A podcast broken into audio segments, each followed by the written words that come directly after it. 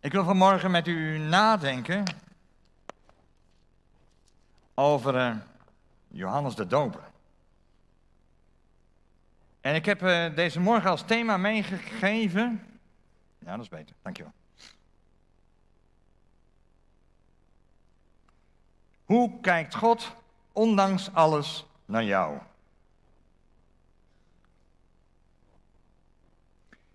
En we willen nadenken over het leven van Johannes, over wie Johannes was, naar aanleiding van de woorden die de Heer Jezus zegt en die opgeschreven zijn in uh, Matthäus 11. Matthäus 11, vanaf het tweede vers wil ik met u lezen.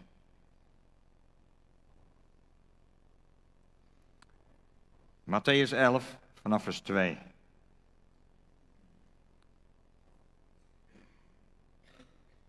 Toen Johannes in de gevangenis over het optreden van de Messias hoorde, stuurde hij enkele van zijn leerlingen naar hem toe met de vraag: Bent u degene die komen zal?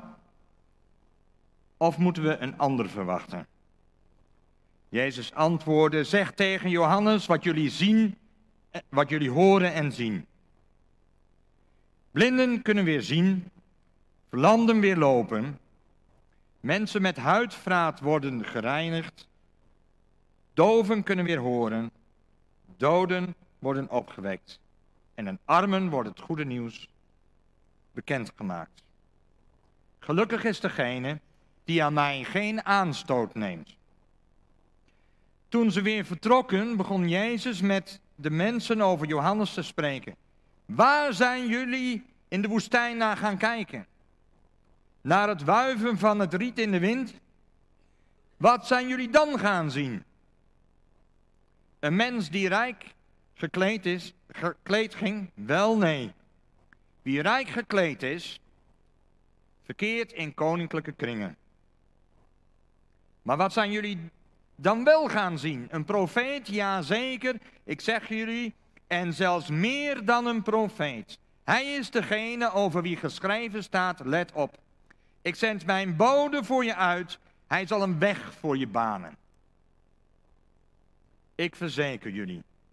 Er is onder allen die uit een vrouw geboren zijn, nooit iemand opgetreden die groter was dan Johannes de Doper. Maar in het koninkrijk van de hemel is de kleinste nog groter dan hij. Sinds de dagen van Johannes de Doper wordt het koninkrijk van de hemel door geweld bedreigd. En proberen sommigen er zelfs met geweld beslag op te leggen. Want de profetieën van alle profeten en van de wet reiken tot aan de dagen van Johannes. En voor wie het wil aannemen, hij is Elia die komen zou. Wie oren heeft, moet goed luisteren. Waarmee zal ik de mensen van deze generatie vergelijken? Ze lijken op kinderen die op het marktplein zitten en elkaar toeroepen. Toen we voor jullie op de fluit speelden, wilden jullie niet dansen. Toen we een klaaglied zongen, wilden jullie niet rouwen. Want toen Johannes kwam en niet at en dronk, zei men, hij is door een demon bezeten. Nu is de mensenzoon gekomen. Hij eet en drinkt wel. En nu zegt men, kijk toch eens, die veel vraat, wat een dronkaard. Die een vriend van tollenaars en zondaars. En toch is de wijsheid door heel haar optreden in het gelijk gesteld. Broeders en zusters, beste vrienden, jongens en meisjes. De hoofdpersoon in ons gedeelte is Johannes. Niet degene die aan het woord is, maar wel degene die, over wie gesproken wordt. Maar wie was dat eigenlijk, Johannes? Hij was een zoon van Zacharias en Elisabeth, twee oude mensen uit het priestergeslacht. Oude mensen die geen kinderen konden krijgen. En ze kregen na een belofte, na een, na een verschijning van een engel bij het offer in de tempel, toch een zoon. En wat voor zoon? Een hele bijzondere zoon.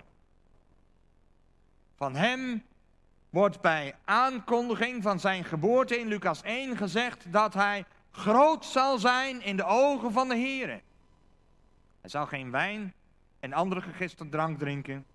En hij zal vervuld zijn van de Heilige Geest, zelfs als hij nog in de, in de schoot van zijn moeder is. En in hoofdstuk 3 van Matthäus wordt Johannes geïntroduceerd. En hij bleek een bijzondere man te zijn. Hij liep er heel apart bij, bijzonder gekleed. Hij droeg een mantel van kamelenhaar, hij had een riem om zijn middel. En hij ging niet naar, uh, niet, hij at niet op een normale manier, maar hij at sprinkhanen en wilde honing. En hij sprak blijkbaar op een hele indrukwekkende manier. Want de mensen kwamen van heinde en ver om naar hem te luisteren. Hij herkende de huigelaars, de mensen die geen oprechte motieven hadden om zich te laten dopen. En hij wees hen daarop. En alles wat hij deed, maakte dat de mensen onder de indruk waren. Ze wilden weten wie hij was. Was Johannes de Messias die komen zou om zijn volk te verlossen van de onderdrukkers? Toen hem die vraag gesteld werd, zei hij: Nee, dat ben ik niet. Is hij dan misschien Elia die terug zou komen voor de komst van de Messias? En ook dat spreekt Johannes tegen. Johannes vertelt van zichzelf en hij zegt: Ik ben de stem die roept in de woestijn: Maak recht de weg van de Heere, zoals de profeet Jezaja gezegd heeft. En waarom doopt u dan met water als u niet de Messias bent?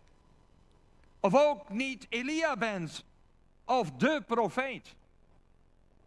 Ik doop met water, zegt Johannes. Maar in uw midden is iemand die u niet kent, die hij die na mij komt. En ik ben het niet eens waard om de riemen van zijn sandalen los te maken. Hierbij schetst Johannes eigenlijk een beeld over de Heer Jezus. Hij zegt een aantal dingen over de Heer Jezus die hem op een voetstuk plaatsen. Maar het zijn ook dingen die maken dat het beeld wat Johannes van zichzelf heeft kleiner wordt. Ik ben het niet waard om de riemen van zijn sandalen los te maken.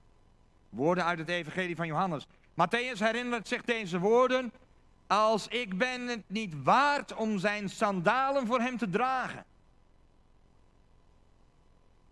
Maar hij zegt ook dat de Heer van de Heer Jezus, dat Johannes doopt met water, maar dat de Heer Jezus zal dopen met de Heilige Geest en met vuur. En hij legt het dan verder uit.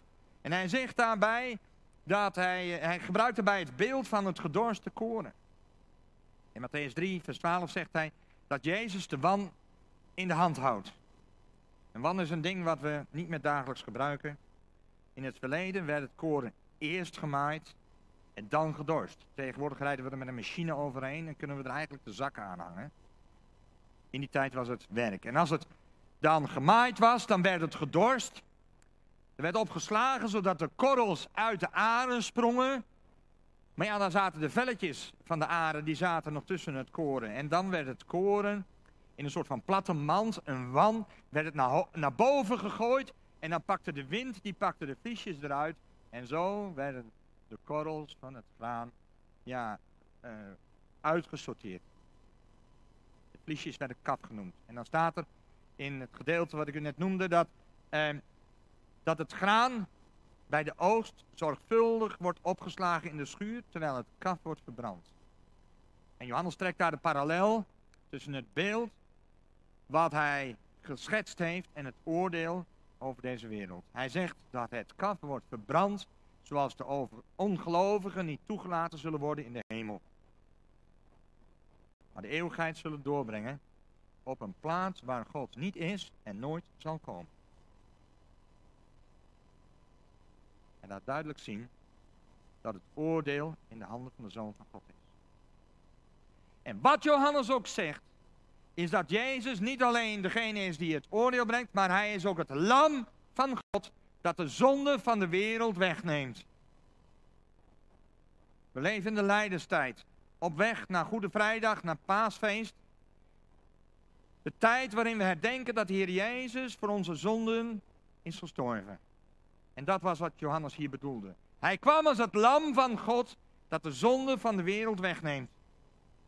De Heer Jezus was gekomen met als doel om de mensen op aarde belangrijker te achten dan zichzelf. En daarvoor gaf hij zich over. En Johannes zegt daarvan in Johannes 1, vers 30 tot 34. Maar na mij komt iemand die meer is dan ik. Want hij was er voor mij. Ook ik wist niet wie hij was. Maar ik kwam om met water te dopen, opdat hij aan Israël geopenbaard zou worden. En Johannes getuigde. Ik heb de geest als een duif uit de hemel zien neerdalen en hij bleef op, een rust, op hem rusten. En nog wist ik niet wie hij was.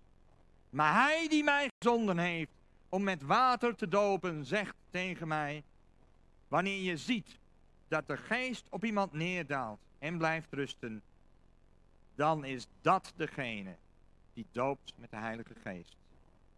En dat heb ik gezien en ik getuig. Hij is de Zoon van God. Wat een getuigenis. Johannes is ervan overtuigd dat de Zoon van God naar de aarde is gekomen, dat hij hem ontmoet heeft, dat hij het lam van God is, wat de zonde van de wereld wegneemt. En deze Johannes, die stelt zijn vraag. Van die Johannes hebben we in het gedeelte wat we lazen gezien dat er twijfel is gekomen. Hoe kwam hij in de gevangenis? Hij was daar terechtgekomen omdat hij Herodes Antipas, de zoon van Herodes de Grote, weet je wel, die van de kindermoord, dat hij die had aangesproken op zijn onterechte huwelijk met Herodias. Maar dat was eigenlijk de vrouw van zijn broer Filippus. En Herodes kon dat niet hebben. Hij sloot hem op in de gevangenis. Aan handen en voeten gekeken. En toch konden zijn leerlingen blijkbaar bij hem komen. Want Johannes stuurt zijn leerlingen, een aantal van zijn leerlingen, naar de Heer Jezus toe om deze vraag te zeggen, stellen. Bent u degene die komen zou? Of moeten we een ander verwachten? En ik vind dat zo in tegenspraak met het getuigenis wat we gelezen hebben.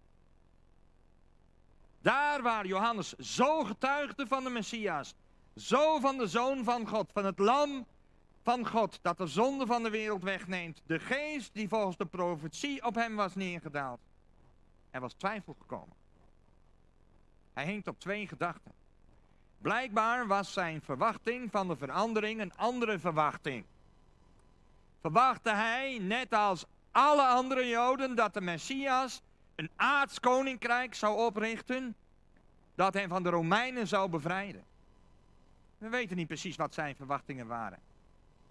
Maar blijkbaar wel anders dan wat er op dit moment gebeurde. Anders had hij die vraag niet gesteld. Maar is dat niet zo herkenbaar? Hebben wij zo vaak in ons leven niet hele andere verwachtingen van wat God in ons leven doet? Zijn we niet regelmatig teleurgesteld? Ondanks alles wat Hij ons geeft.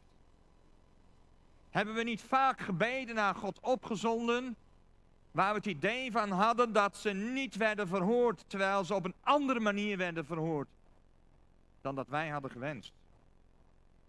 Gebeden om genezing tijdens het aardse leven worden beantwoord met een opname in Gods heerlijkheid.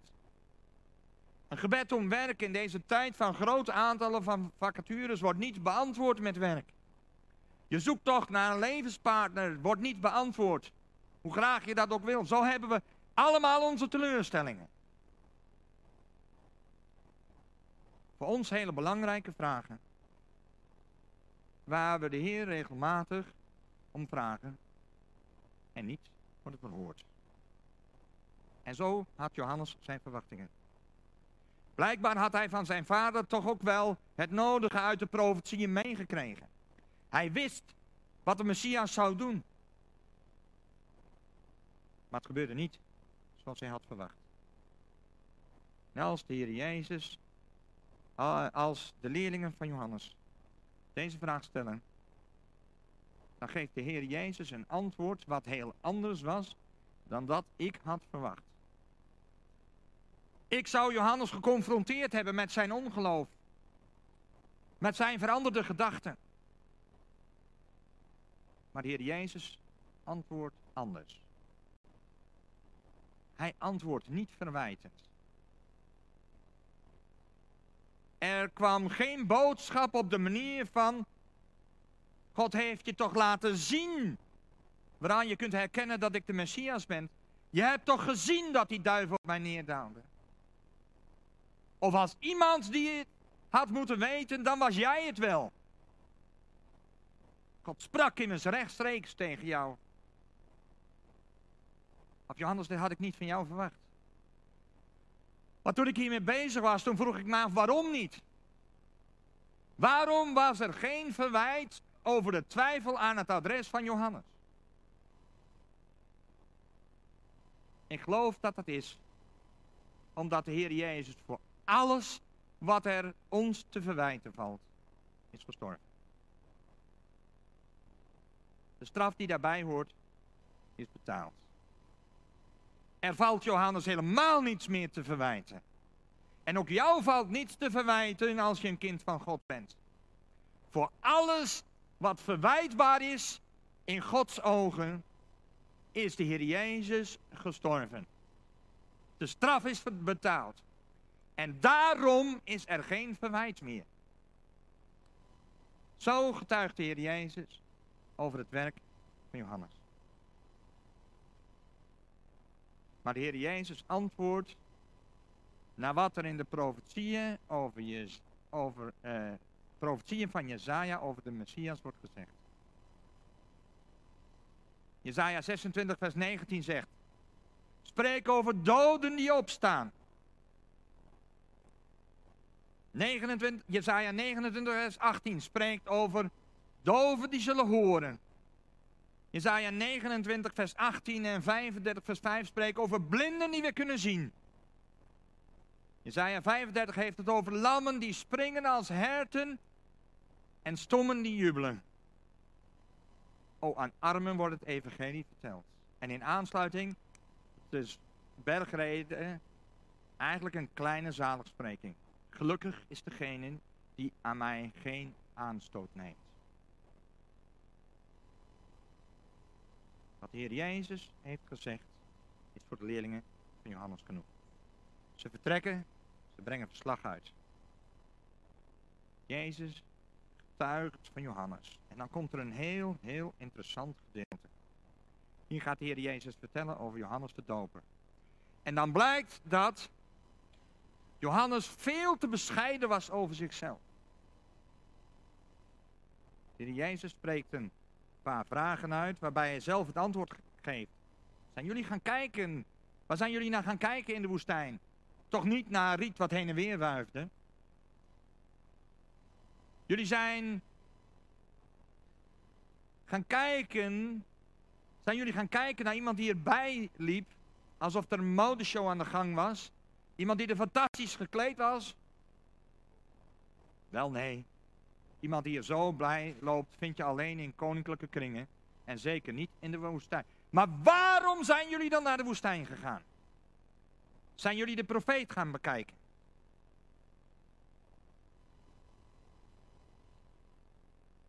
Jazeker. En niet zomaar een profeet. Het was een profeet die meer was dan een profeet. Dus een bijzondere profeet.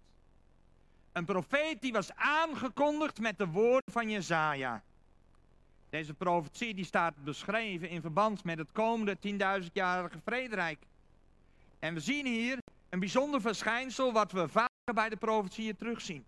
We zien dat een profetie soms zonder enige onderbreking van de ene periode van Jezus komst doorgaat naar de andere periode van Jezus komst. Het lijkt wel alsof de profeet ja, niet die tussenliggende periode heeft gezien. Johannes, de apostel Johannes geeft een klein tipje over hoe dat ging bij de profeten. Hij vertelt daarover in openbaring, hoofdstuk 4, en dan zegt hij dat hij een openbaring kreeg, dat hij werd opgetrokken in de hemel Dat hij daar zijn openbaring vindt, dat hij mocht zien, mocht kijken door de tijd. Buiten de tijd werd getrokken. Hoogtepunten in de toekomst mocht, mocht overzien. En dat hij toen weer op aarde kwam om het te beschrijven.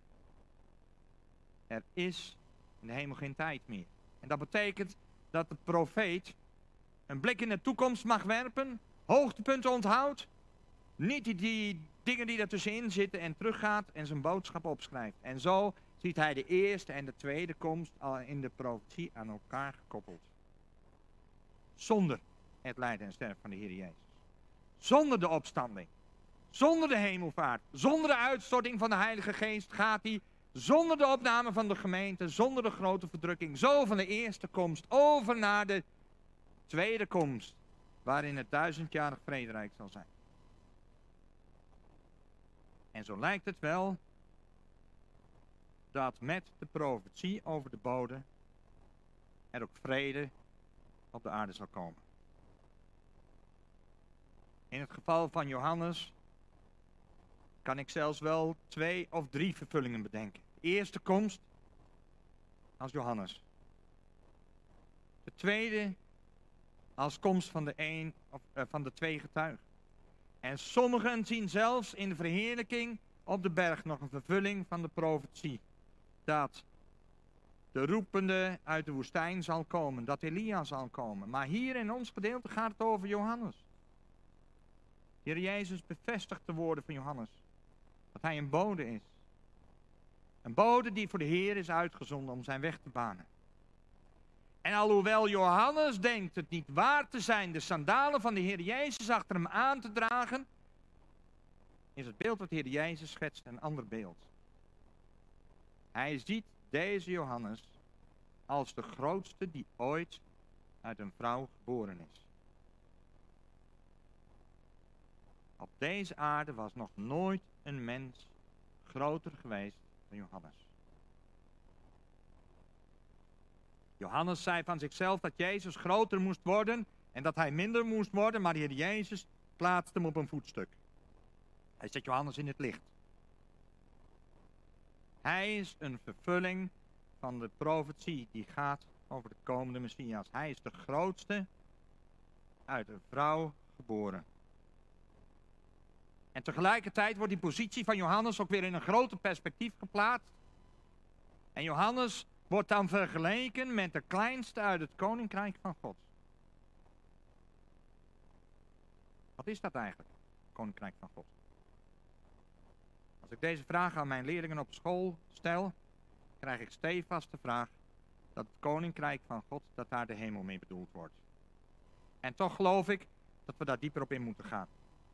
Als we kijken naar de betekenis van het woord koninkrijk in een woordenboek, dan krijgen we daar een ander beeld van. Namelijk het land waar een koning of het koningin het hoofd van is.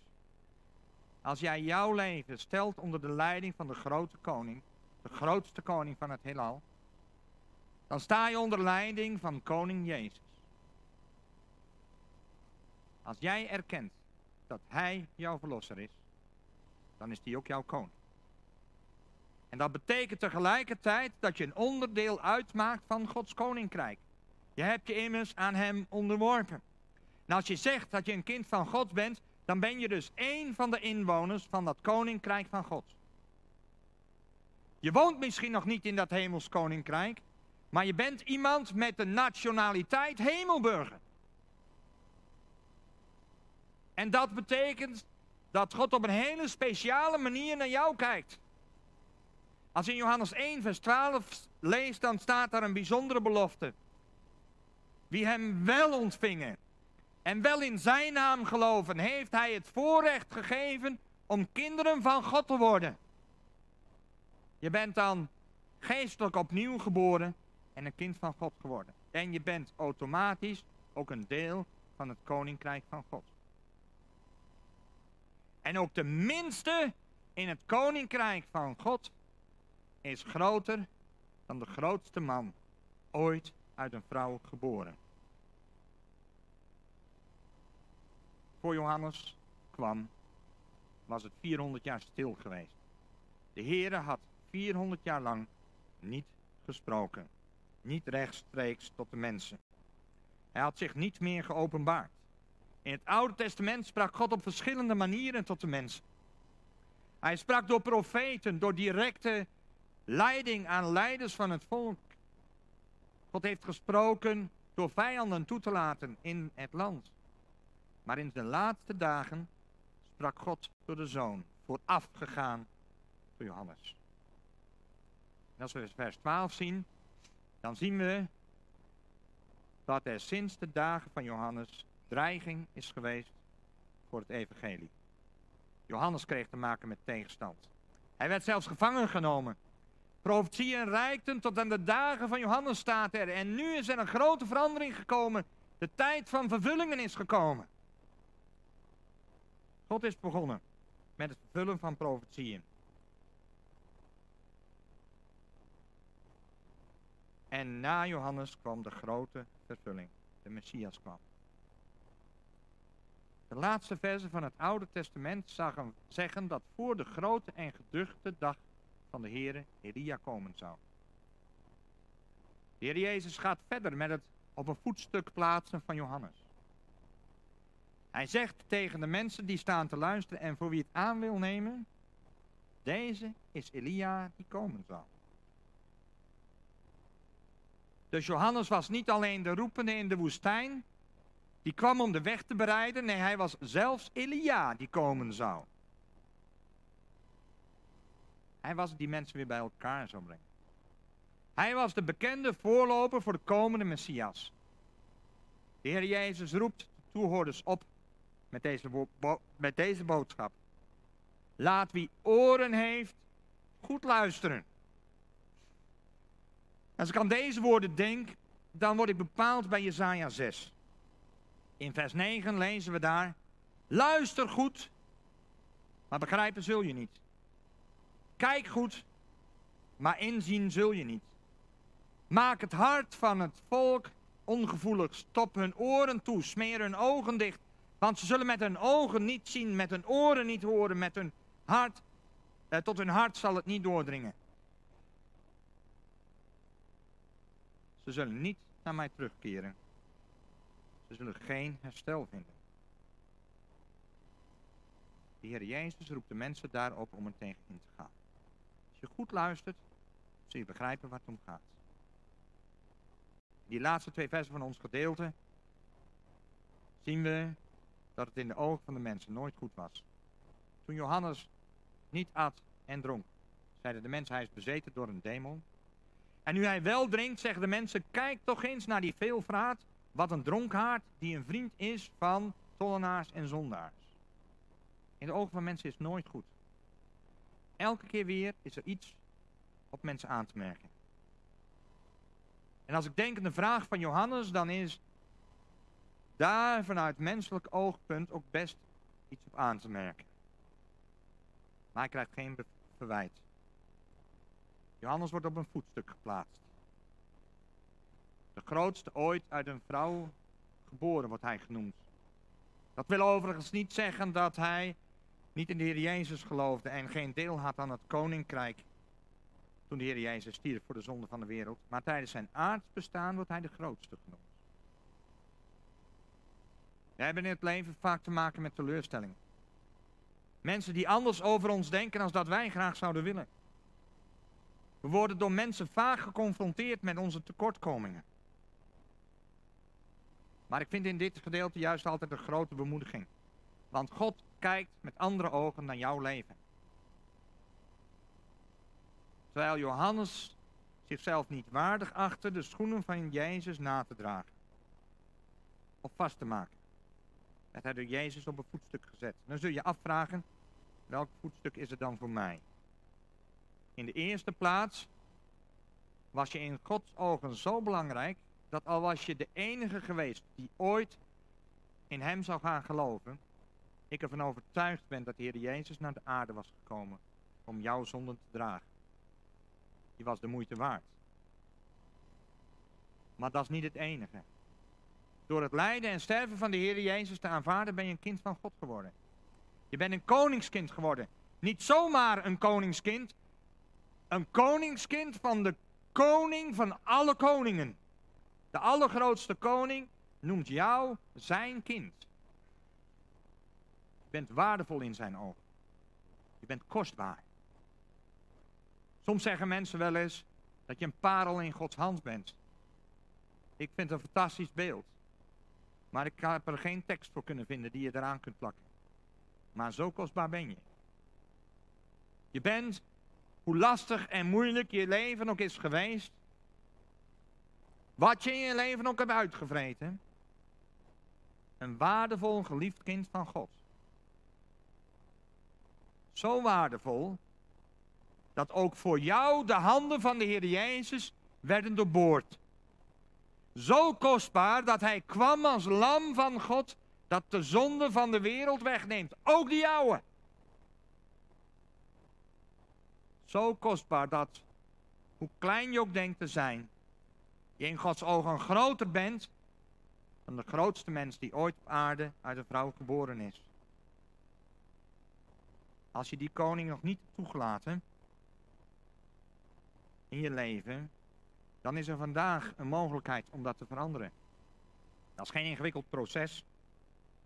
Maar je kunt als een kind van God worden door in een gebed je uit te spreken als iemand die echt hier Jezus nodig heeft. Die hem aan de leiding van zijn leven wil zetten. En God gaat vanaf dat moment op een andere manier naar jouw leven kijken. Door te zeggen dat je jouw leven wilt stellen onder zijn leiding, word je een kind van God. Misschien vind je het lastig te begrijpen. Na de dienst zijn er mensen die je daarbij kunnen helpen. Je mag naar mij toe komen. We willen je graag voorstellen aan de koning de koningen. Voorstellen aan het lam van God. Hij kwam speciaal voor jou. En je bent zijn geliefd kind. Misschien heb je jaren, ja, ben je druk geweest om bij hem weg te lopen. Maar hij staat op de uitkijk. Wanneer kom je nou eindelijk thuis? En als je maar enigszins in het zicht bent, dan rent hij naar je toe. En dan nodigt hij je uit om bij hem thuis te komen. Hij roept je welkom thuis toe. Hij staat op de uitkijk, hij wacht op jou, hij wil jou in zijn armen sluiten. En je hoeft je niets aan te trekken van wat mensen over je zeggen. God vindt je kostbaar. Hij houdt van je. Je hoeft niet meer te denken dat jouw leven te slecht was. Want voor alles wat je hebt misdaan, is de straf aan het kruis van Golgotha betaald. Als je leven overgeeft, is er geen reden meer om te denken dat God jou iets wil verwijten. Je bent zijn geliefd kind. Hij houdt van jou. Hij wacht op jou. Tot eer van zijn naam. Zullen wij samen onze hoofden buigen? Zullen we, voor hem, zullen we samen bidden? Zullen we hem danken voor datgene wat hij ons geeft? Lieve Vader in de hemel, we willen u in de allereerste plaats heel hartelijk danken voor uw zoon. We willen u danken dat we hier zo bij elkaar mochten zijn, dat we na mochten denken, Heer, over hoe u naar ons kijkt. U ziet ons als een kostbaar kind en ons hart is vol van dankbaarheid dat u naar deze aarde toegekomen bent. Dat u uw leven hebt gegeven. Dat u, Heer Jezus, die weg hebt willen gaan. Dat u bereid was om, om de mensen belangrijker te achten dan u zelf. En dat u bereid was om vanuit uw heilige hemel neer te dalen op deze aarde en te sterven aan het kruis van Golgotha. Wat een voorrecht dat we u mochten leren kennen. En ik wil u bidden, bidden heren of u ons wilt helpen om in ons leven ook ja, vaker stil te staan bij hoe u naar ons kijkt. U vindt ons zo waardevol. U vindt ons zo kostbaar. Ik wil u bidden, Heer, ook voor degenen die u niet kennen. Ik wil u vragen of u aan hun hart wilt kloppen. Of u zich wilt openbaren aan hen. Of u zich zichtbaar wilt maken voor hen. Zodat ze zullen begrijpen hoe groot uw liefde ook voor hen was. En we willen u bidden ook voor de week die voor ons ligt. We gaan allemaal weer naar de plaats waar u ons hebt gesteld. We willen u vragen, Heer, of u wil maken dat we ja, echte ambassadeurs voor u zullen zijn. Dat we met ons hemels paspoort in de zak, in ons hart, dat we ja, belangenbehartigers van u zullen zijn op deze aarde. Heere, u kent ons. U kent ons hart, u kent onze gedachten. En wil u bidden, Heere, wilt u spreken tot ons hart? Wilt u ons raken? Wil maken dat we ja, werkelijk een ontmoeting met u zullen hebben deze morgen. In Jezus' naam.